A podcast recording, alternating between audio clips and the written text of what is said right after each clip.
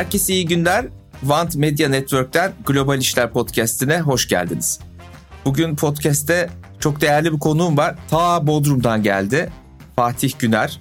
Fatih'le değişik konular hakkında sohbet edeceğiz. Bu podcast'te zaten biliyorsunuz ben eşimle dostumla sohbet ediyorum. Hani biz öğle yemeği yiyormuşuz gibi sohbet ediyoruz. Siz de eğer beğenirseniz dinliyorsunuz. Ama bu bölüm çok güzel olacak. Fatih'i konuşurken tanıyacağız. Ben bir kısaca şu andaki yaptığı işi söyleyeyim. Komünite diye Türkiye'nin birçok farklı yerinden yaratıcı girişimcileri bir araya getiren bir network'ü var. Ama Fatih'e bugün başka bir şey soracağım. Onun böyle arada bir söylediği bir tezi var. Diyor ki üniversite okumaya gerek yok. Üniversite okumadan da adam olabilirsiniz. Nasıl oluyor bu iş bize bir anlat bakalım Fatih. Öncelikle beni davet ettiğiniz için çok teşekkür ediyorum. Hakikaten e, ben zaten hani seninle sohbet etmeyi çok seviyorum. Çok senin newsletter'ını çok beğenerek okuyorum. Hatta senin reklamını ben yapayım. Newsletter'ını okumayan varsa ustalın mutlaka abone olsunlar. Çünkü gerçekten çok kafa açıyor, zihin açıyor. Şöyle aslında bu benim birkaç tane farklı söylemin bir araya geldiğinde anlamlı oluyor. Şimdi üniversite okumayın. Tam olarak şöyle e, ben diyorum ki Türkiye'de üniversite okumak rekabet avantajı kalmadı. Üniversite okumanın Hı. bir rekabet avantajı kalmadı. Ne demek bu? Eskiden şunu diyordum 3 sene önce. Boğaziçi, Koç ya da Sabancı'da okumayacaksan üniversite okumana gerek yok diyordum. Şu evet. an artık ona da kattım. Ha. Dolayısıyla yani Boğaziçi'nde de Koç'ta da Sabancı'da da okuyor olsan şu anda okumanın hiçbir rekabet avantajı yok. Eğer yurt dışında özel bir işin olmayacaksa ya da özel bir şey yapmayacak. O zaman şöyle revize edelim. Hı-hı. Türkiye'de üniversite okuyacaksanız okumasanız da olur diyorsun. Kesinlikle. Ama evet. yurt dışında okuyacaksanız bunun farklı faydaları olabilir. Mesela olabilir. yurt dışında bir iş bulacaksanız bunu kolaylaştırabilir. Evet. Çünkü kendine öyle bir marka katmış Ancak kesinlikle İngilizce bilmek zorunda. Tabii. Nitekim biliyorsun şu anda üniversitelerin %90'ında doğru düzgün bir İngilizce eğitimi yok. Hı-hı. Liselerde, ortaokullarda yok. Hatta İngilizce öğrenmenize gerek yok diyen Milli Eğitim Bakanı var ülkede ha. gibi gibi Güzel. gibi. Peki ne yapacak üniversite okumayı? Şimdi üniversite okuduğu zaman 4 sene kaybedecek ya. Bu 4 seneyi kaybetmemesi için ne yapacak? Bir kere birincisi chat GPT kullanacak. Çok o güzel. konuya geleceğiz, o konuya geleceğiz. O konuya geleceğiz. Ben e, seni provoke etmek için söyledim. Prompt ediyorsun. Aynen, aa, kesinlikle. Şöyle, üniversite okumayıp ne yapmalı? İnternet üzerinden bir dolar kazanmayı başarmalı. Bir Hı-hı. dolar. Neden? Çünkü o öyle bir laf var ya once you go black you can never go back. Hı-hı. Bir dolar kazandığın zaman internetten bir daha hiç kimsenin yanında çalışamazsın. Hiç kimsenin. Çünkü ne kadar kolay para kazanılabildiğini görüyorsun. İngilizce öğrenmek artı internetten para kazanmaya çalışmak bu ikisi bir araya geldiğinde bu bir artık superhero power. Yani süper güç. Bir kere o zaman işin temeli İngilizce bilmek değil mi? Kesinlikle. Yani İngilizce bilmeyen adama bu çağda doğru düzgün ekmek yok. Yer yok evet. Yok. Evet. E, çünkü yaptığın iş mutlaka iş global olmasa bile o işi yaparken öğreneceğin şeyler global kaynaklardan olacak. Kesinlikle. O kaynakların güncelleri Türkçe'de hiçbir zaman olmuyor. Dolayısıyla İngilizce bilmek zorundasın. Tamamen Türklere çalışsan bile. Kesinlikle, Böyle diyebilir miyiz? Kesinlikle evet. Tamam. Şöyle zaten Türklere çalıştığın zaman 20 TL kazanıyorsun. Ancak yurt dışına bir şey sattığın zaman 20 dolar kazanıyorsun Doğru. atıyorum. E 20 doların da makasının ne kadar yani döviz makasının ne durumda olduğu ortada. O yüzden insanlara bunu söylüyoruz. Fedakarlık et. Fedakarlık yap zamanından, emeğinden fedakarlık yap ve İngilizce öğren. Bütün zamanınla. Bunu yaparken de bir yandan internetten para kazanmak için yöntemler bul ve 80 tane yöntem var. Peki biraz oraya girelim. Çünkü internetten para kazan, 1 dolar kazan. Bu demek kolay. Evet. Ama bunu sürdürülebilir bir şekilde yapmak o kadar kolay değil. Yani insanın emek piyasasında bir yere gelebilmesi için belli yapıların içine girmesi lazım değil mi? Kesinlikle. Kendi başına olmuyor. Veya ben burada duruyorum beni bulsunlar diye olmuyor. Ne yapacak internetten para kazanmak Şimdi şöyle için? ben millete anlattığım zaman bunu onlar da hatırlıyorlar. Aa o kadar zaman oldu mu diyorlar ama 2008 yılında benim bir blogum vardı. Hı. Adı Meşgul Sinyaliydi. Meşgul sinyali ne biliyor musun? Aradığınız kişiye şu an ulaşılamıyor. Yani şey o sloganı buydu. Çünkü hı hı. ben başkalarının yazdığı gibi yazmak istemiyordum. Hı hı. Ve toplamda iki yılda 40 tane yazı yayınlanmış bir blogdan bahsediyorum. O zaman için fenomen olmuştu. Benim bugün bu kadar bir şekilde medya tarafında güçlü olmamın sebebi o blogtu. Ve beni o zamandan tanıyan herkes biliyor onu. Hı hı. Bir tane blog yazım vardı. O zamanlar dijital kampanya dediğimiz şey çok yeni bir şeydi 2008'de falan. O zamanlar reklamcıydın sen. Ben reklamcıydım tamam. aynen. Yazımın başlığı şuydu. Bu kampanyalar meme uçlarımı sertleştirmiyor. Bak bu başlıkla bir yazı yazdım ve altında argümanlarımı sundum. Dedim ki yapacağınız dijital kampanyalar internetin yeni olduğu ve bu kadar Facebook'un hızlı yayılıyor olduğu bir noktada insanların meme uçlarını sertleştirecek kadar heyecan yaratacak yaklaşımda olmalı. Öbür türlü çöpe gider. Yazdım ve o zamanlar bugünün piyasa büyükleri falan bir şeyler söylüyor. Şimdi aradan 15 sene say. Bak geldiğimiz noktada sadece 40 tane blog yazısıyla bu noktaya gelmiş bir girişimci var. Söylemeye çalıştığım şu. Kendisi İngilizce bilecek, bir medyaymış gibi davranacak. Evet. Sadece insanlar değil bu arada. Sen şu anda bir medyasın. Doğru. Ve sana eğer senin bir medya olduğunu kabul etmek istemeyen ya da buna ters argüman üretmek isteyen varsa direkt alnını karıştırırım. Neden? Çünkü newsletter'ında çok ciddi sayıda insan seni her hafta aktif olarak takip ediyor. Benim bildiğim kadarıyla mailinin açılma oranları ve tıklanma oranları normal ortalamanın çok fazlasında. Ortalamanın çok fazla. Dolayısıyla sen aslında etrafında çok ciddi bir kitleye bir medyalık yapıyorsun. Şu an podcast'te başladın bu podcast için bu da böyle olacak. Sadece bu değil markaların da bir medya gibi davranması lazım. Doğru. Kesinlikle. Şimdi İngilizce bileceksin, medya gibi davranacaksın ve en erken adapte olmaya çalışacaksın bu mevzuya. Hı hı. Şimdi bu arada ben çok konuşuyorum biliyorsun. Konuş, konuş, güzel hızlı hızlı konuşuyorum böyle. Şöyle ki benim komünite işini yapmaya başlarken Hı hı. ki ilk içgörüm neydi biliyor musun? Girişimci ruha sahip olan insanların büyük bir çoğunluğu aslında milyonlarca dolarlık şirketler kurma peşinde değiller. Geçinmek peşindeler. Bu adamlar geçinmek istiyorlar öncelikle. Bir patronsuz yaşamak Evet. istiyorlar öncelikle. İkincisi de ne biliyor musun? Bir tane evim olsun, bir tane ikinci Evet. el bir araba alabileyim istiyor. Şimdi bunu Türkiye'de yapabilmek için ne lazım? Anadolu'dasın 300 bin dolara bir exit yaptığını düşün. 300 bin dolara girişimini sattığını düşün. 300 bin dolara girişim İş satmak bitti. sana ev ve araba aldırıyor. Doğru. Ondan sonra ayda zaten 300 bin dolara exit yapmayı başardıysan ayda çoktan 10 bin dolar yaratıyorsundur. Ayda Doğru. 10 bin dolar kazanıyorsundur. Ayda 10 bin dolara gül gibi geçinirsin kenarına paranı koyarsın. KKM ile de paranın değer önerisi, değer Faizinde yersin. faizini de yersin. Tabii. Mis gibi. Dolayısıyla milletin beklentisi bu. Biz de diyoruz ki mesela komünitede insanlara sevgili arkadaşlar. Maaşlı çalışmayı bırakmayın şimdi. Sorun yok. Bırakmayın. Ancak zamanınızdan fedakarlık yapın. Ne demek bu? Her akşam bir gün 8 saat patron için çalışıyorsan 3 saat kendin için çalış. Çok güzel. 3 saat. Ve o 3 saatte de satılabilir dijital ürün yap. Hı hı. Satılabilir dijital ürün. Ne demek bu? Mikro SaaS projesi demek. Ne demek mikro SaaS?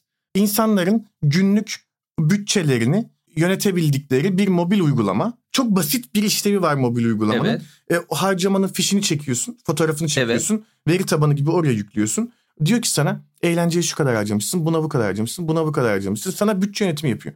Böyle bir uygulama yapıp da ayda bu uygulamadan 20 bin dolar kazanan yabancılar var. Neden sen de 1000 dolar kazanmıyorsun piyasa açık. Bu, bu, bu tarz projeler yapsın. Milyonlarca dolarlık girişimler, o girişimlerde çalışan 40 kişilik ekipler, HR ekipleri, marketing ekipleri bunlara gerek yok. Ve %90'ının da ihtiyacı olan bu değil. Zaten böyle böyle yetenekleri de yok. bir iddiası da yok, Böyle bir yeteneği de yok. yeteneği de yok. Yok. Yok. Ama adamın disiplini var. Bak İngilizce bilmiyor. İngilizce bilmeyen, inanılmaz iş disiplini olan, deadline'larına son derece saygılı ve feedback alan.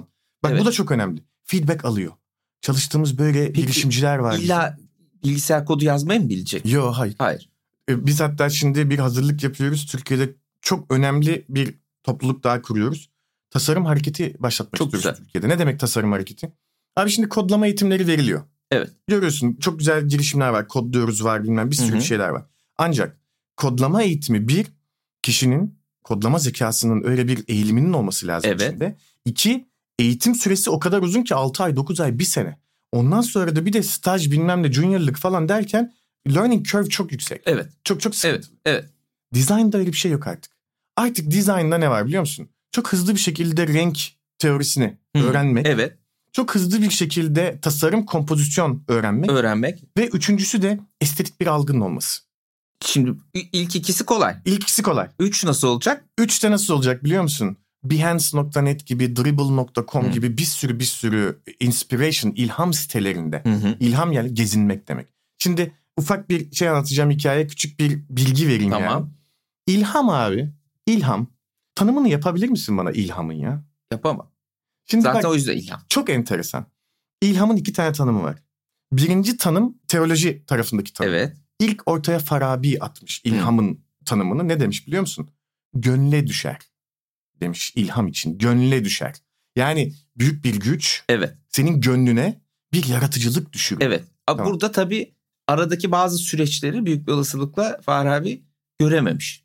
Değil mi? Yani İlham dediğimiz şöyle, şeyde zaten bir veri toplama süreci var. muazzam, muazzam. Değil mi? İşte bu. Bir veri muazzam. toplama süreci var. O orayı geçmiş ya işine gelmemiş ya o zamanki İnancı bu, şeyle inancı değerlendirememiş. buymuş. Ya da, Ya ya da hitap ettiği kitle buymuş. Hitap ettiği kitle buymuş. Dolayısıyla o gönlüne düşer. İşte ikinci tanım, Hı. ikinci tanımda postmodern tanım. Hı. Wittgenstein yapıyor postmodern tanımı. Wittgenstein postmodernizmin kurucu babası sayılır.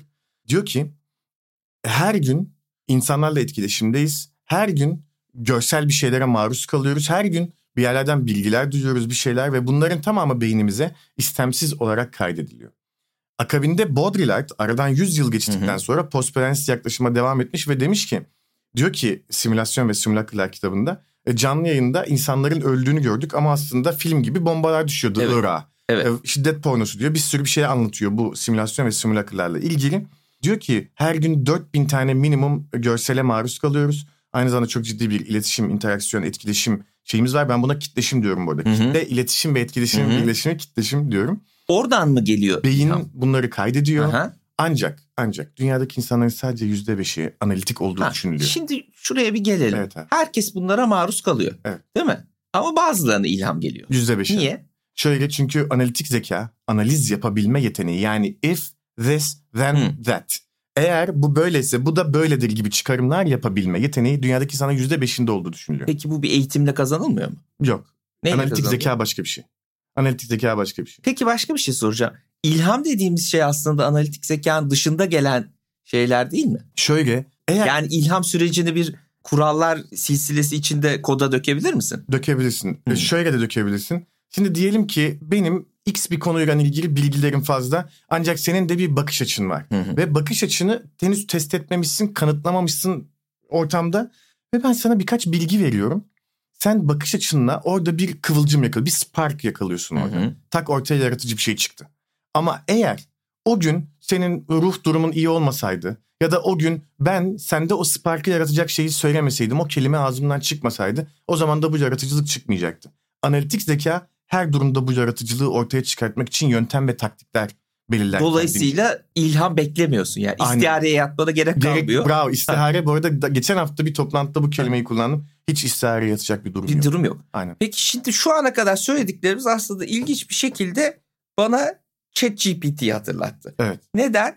O senin ilham dediğin şey işte verileri alıyorsun o verilerle beynin eğitiliyor. Aynı şekilde bizim kullandığımız ChatGPT'nin şimdi altındaki altyapı da bir large language model deniyor buna. Büyük Evet. dil modeli. O da internet üzerindeki bütün metinlerle eğitiliyor, Besleniyor, evet. besleniyor. Sonuçta da sen ona bir soru soruyorsun ve o soruya cevabı kendisinin de bilmediği bir aslında süzgeçten geçirerek veriyor. Evet. Sen kodu bile görsen oradaki süzgeci anlaman mümkün değil. Çok kompleks bir sistem.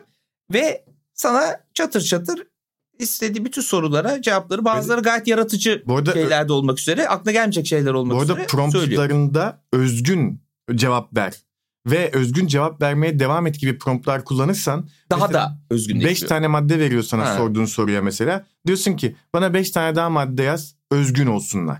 Yukarıdakine benzemesinler. O zaman uçuyor. 5 tane daha veriyor. Çünkü normalde çok jenerik şeyler söylüyor Tabii aslında. tabii tabii. Ben, Evet. ben mesela promptlarımı genel olarak şey en çok kullandığım kelime ChatGPT'de elaborate on. Ha Tabii mesela ben hani buna detay ver. Gir Güzel. buna derin gir yani. güzel. Hı? Peki şimdi şu soruyla başlayalım ChatGPT'ye. Eleman çıkarmayı düşünüyor musun? Yani şu anda ekibimiz tam yerli yerinde. Ancak eğer ChatGPT'nin yapabileceği işlere sürekli olarak yapan bir insan olsaydı kesinlikle çıkartırdım işten. Nedir o işler? Konuştuğum bütün içerik e, üretimi işleri, sunum yapma işleri, Evet. sunum hazırlama işleri, her tür web sitesi içerikleri Evet. hazırlama işleri, landing page içerikleri. Şöyle bir şey bizim şu anda kendimiz kullandığımız yakında ürüne çevireceğimiz bir şey var. Adına çok teknik olacak Tailwind denen bir CSS sistemi var. Hı hı. Tailwind'i otomatik yazabiliyor. Tailwind komponentlerini. Üstelik de sadece text prompt veriyorsun. Hani bana diyorsun bana bir hero alanı yaz. Sağ tarafta resim olsun. Sol tarafta işte bir H1 başlık olsun. Onun altına bir tane input box koy. Onun altına bir tane buton koy. Onun altına Hepsini da yapıyor. bunların tamamını kod veriyor. Peki sana. şimdi sana şunu soracağım.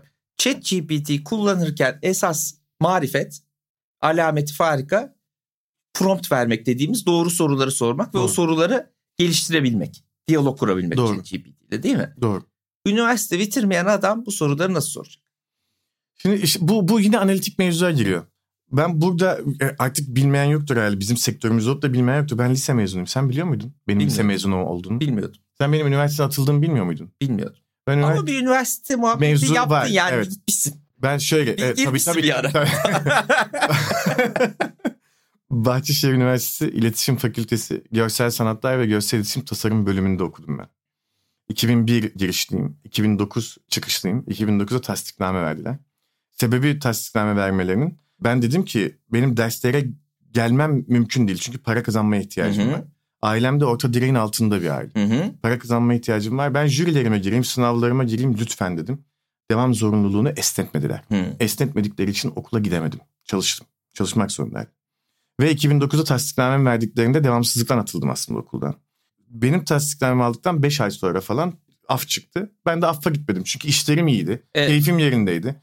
Ne işim var? Zaten alacağını almıştın. İst- e, istediğim zaman okurum Ama şimdi bir dakika kendime. sen bir okula bir ara bir gitmişsin. Ama 2000 senesinde gittim ben. Olsun gitmişsin. 2020 senesinde okulun zerre kadardı. Sosyalleşme bilmem ne falan filan Hı. diyorlar ya. Benim oğlum tanımadığı belki 6 tane arkadaşı da Roblox oynuyor. Evet. 9,5 yaşında. Evet.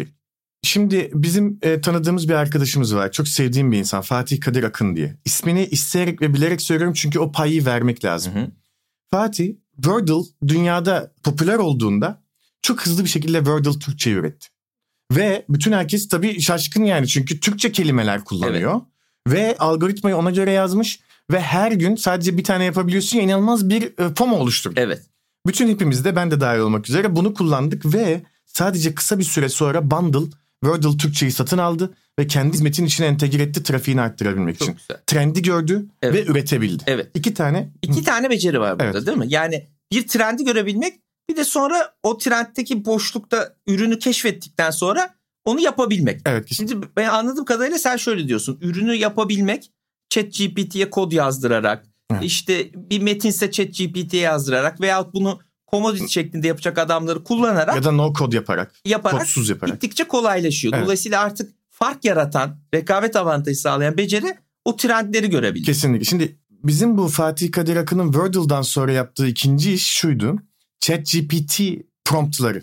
Az önce anlattım ya internette arama parametrelerinin ötesinde hiçbir şey yoktur dedim ya. Şimdi mesela Google Chrome'da yeni bir sekme açıyorsun. Birkaç sene önce getirdiler bu özelliği. Heh. En sık girdiğin internet siteleri görünüyor yeni sekmede. Evet. Eğer özel Doğru. bir eklenti kullanmıyorsun. Neden yapıyor bunu?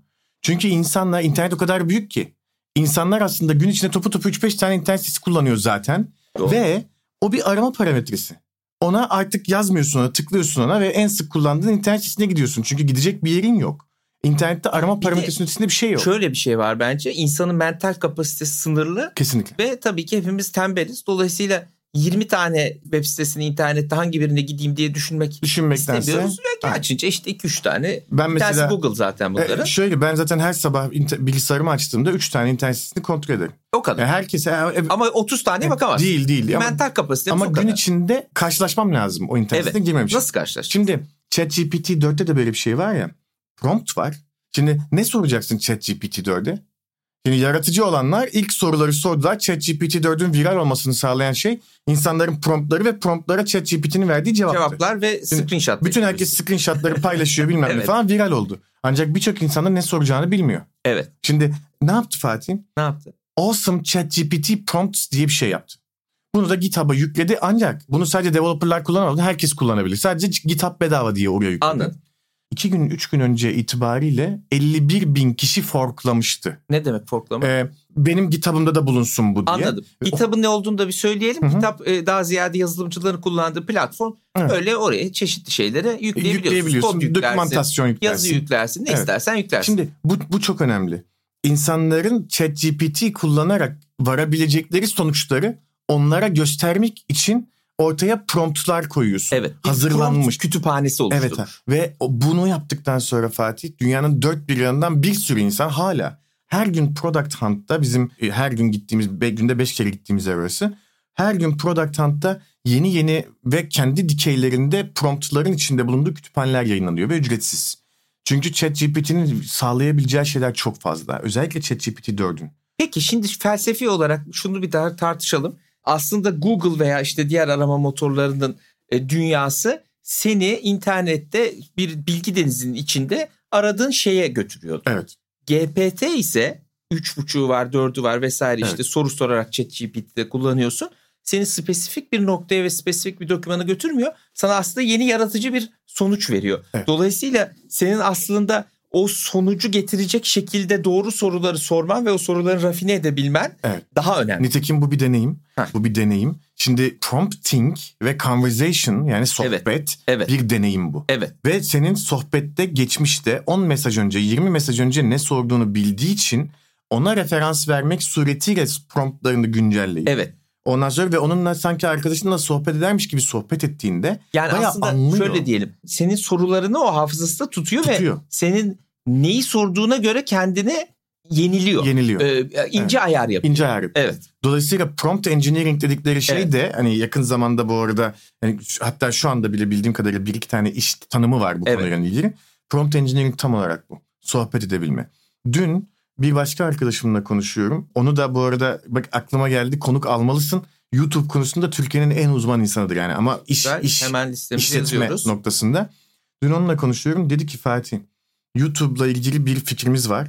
Diyoruz ki ChatGPT'ye Mr. Beast'in videolarını incele ve bu videolarda teknik taktik yöntemsel yaptığı şeylerle ilgili bana bir analiz yap diyoruz ChatGPT'ye analizi veriyor. Peki şunu soracağım ve böylece de bence sonuca doğru bağlayalım. Şimdi insan aklında bir düşünme pratiği var değil mi? Ve bu düşünme pratiği farklı konular arasında ilişkiler kurmak, farklı kavramları bir araya getirmek ve böylece yeni yaratıcı şeyler ortaya çıkarabilmek. Az önce ilham dediğimiz şeyde o kavramları sen kafanda oluşturmuş oluyorsun. Sonra bir gün bir soru soruyorsun ve cevabı buluyorsun. Evet. evet. Şimdi biz bunu gittikçe ChatGPT'ye yaptıra yaptıra yaptıra yaptıra hani sen ben 40 yaşın üstündeyiz artık. Evet. Biz zaten bu süreçlerden geçmişiz. Öyle değil mi? Evet. Biz zaten beynimizi buna göre eğitmişiz. Ama şimdi çoluk çocuk yeni gençler bunları ChatGPT'ye yaptıra yaptıra beyninde o kasları aslında köreltmeyecek mi? Bence başka kaslar kazanacaklar. Hı. Anlatmak istiyorum. Benim 9,5 yaşında oğlum var. Geçen gün bir ödev almış. Ödevi İstiklal Marşı'na benzer bir şiir yazma ödevi. Ve baktım orada gerçekten de annesiyle birlikte orada hani annesi onu e, yönlendirmeye çalışıyor bir şekilde. O da ilk yani ilk kelimeyi ortaya koyması lazım ki açılsın koyamıyor. Ben dedim ki oğlum gel dedim sana bir şey göstereceğim. Bilgisayarın başına geçtik. ChatGPT'yi açtım. Onun mail adresiyle üye yaptım onu. Dedim ki öğretmenin sana ne sor dedim. Dedi ki İstiklal Marşı'na benzer bir şiir yazın. Tamam dedim oğlum ChatGPT'ye sor. Dedi ki nasıl? Dedim oğlum bak şuraya yazıyorsun. Yaz dedim. İstiklal Marşı'na benzer bir şiir yaz. Yazdı. Enter'a bas şimdi dedim. Enter'a bastı. Tak. Tak çıktı. Bildiğin iki kıta, Gayet sekiz güzel dize. yazdın. Gayet ya dedim ki şimdi Mehmet Akif Ersoy gibi yaz. Evet. Yazdım.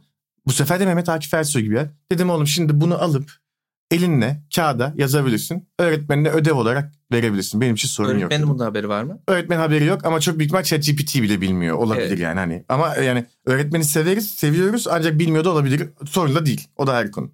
Şöyle abi. Ali benim oğlum çok iyi oyuncu. Gamer. Ha. Ve 5 yaşında Fortnite'la tanıştırdım ben onu. Bütün herkes karşı çıktı bana. Dedim ki hayır. Kan yok. Kan yok yani. Hı hı. Çünkü ve çizgi film karakterleri, Hı hı. çizgi karakterler. O yüzden oynayabilir dedim. Bakalım kendini geliştirebilecek mi? Ve gerçekten de Xbox'ta bildiğin inanılmaz bir Fortnite oyuncusu oldu. Hatta o kadar iyi bir oyuncu oldu ki sıkıldı bıraktı. Şimdi Valorant oynuyor, Counter Strike oynuyor gibi gibi. E bak bu konuda bir yeteneği varmış. Futbol seviyor. Futbola götürüyorum haftada 2 saat. Bir de özel ders aldırıyoruz haftada 2 saat. Haftada 4 saat bildiğin profesyonel Altın Ordu'nun altyapısında futbol oynuyor. Yani profesyonel olmaya çalışma Tamam. hedefiyle futbol oynuyor. Bak demek ki ilgisi varmış. Ben isterim ki sanata ilgisi olsun. İsterim sanatçı olsun. Ve çok net söylüyorum hiç goy goy yapmıyorum ya da bunu başkalarını provoke etmek için söylemiyorum. Zorunda olmasam ortaokula göndermem. O kadar diyorsun. O kadar gön ne, hiçbir rekabet avantajı yok. Hı hı. Çarpım tablosunu öğrenmesine gerek yok. Hı hı. Fonksiyonlarmış, trigonometriymiş bunların hiçbirine gerek, Gerek yok. Çünkü ChatGPT var artık. Ama başka kaslarını geliştirebilir. Başka kaslarını geliştirmeye devam edebilir. Neyi görüyorum biliyor musun? Hiçbir yaratıcılığı olmayan adına modern sanat denen bir şey var. Ne yapıyor? Hı. Bir tane bir kurna kurmuş. Kurna. Hı. Kurnayı bilirsin. Hı hı. Motorsuzdur ama Hı hı. hareket Hı hı. edebilir. Abi kurnanın üstüne 2 metre çapında yuvarlak bir tuval koymuş. Tuval.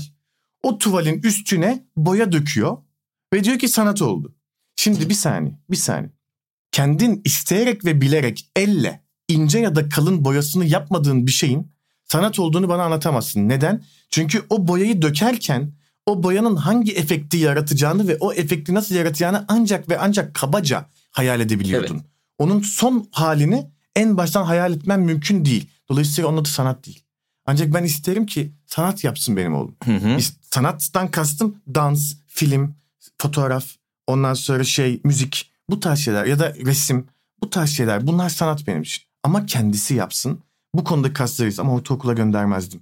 Bugün ortaokul, lise, üniversite Türkiye'de ve dünyada da bu arada gerçekten insanlara hiçbir şey katacakmış gibi görünmüyor. Hı hı.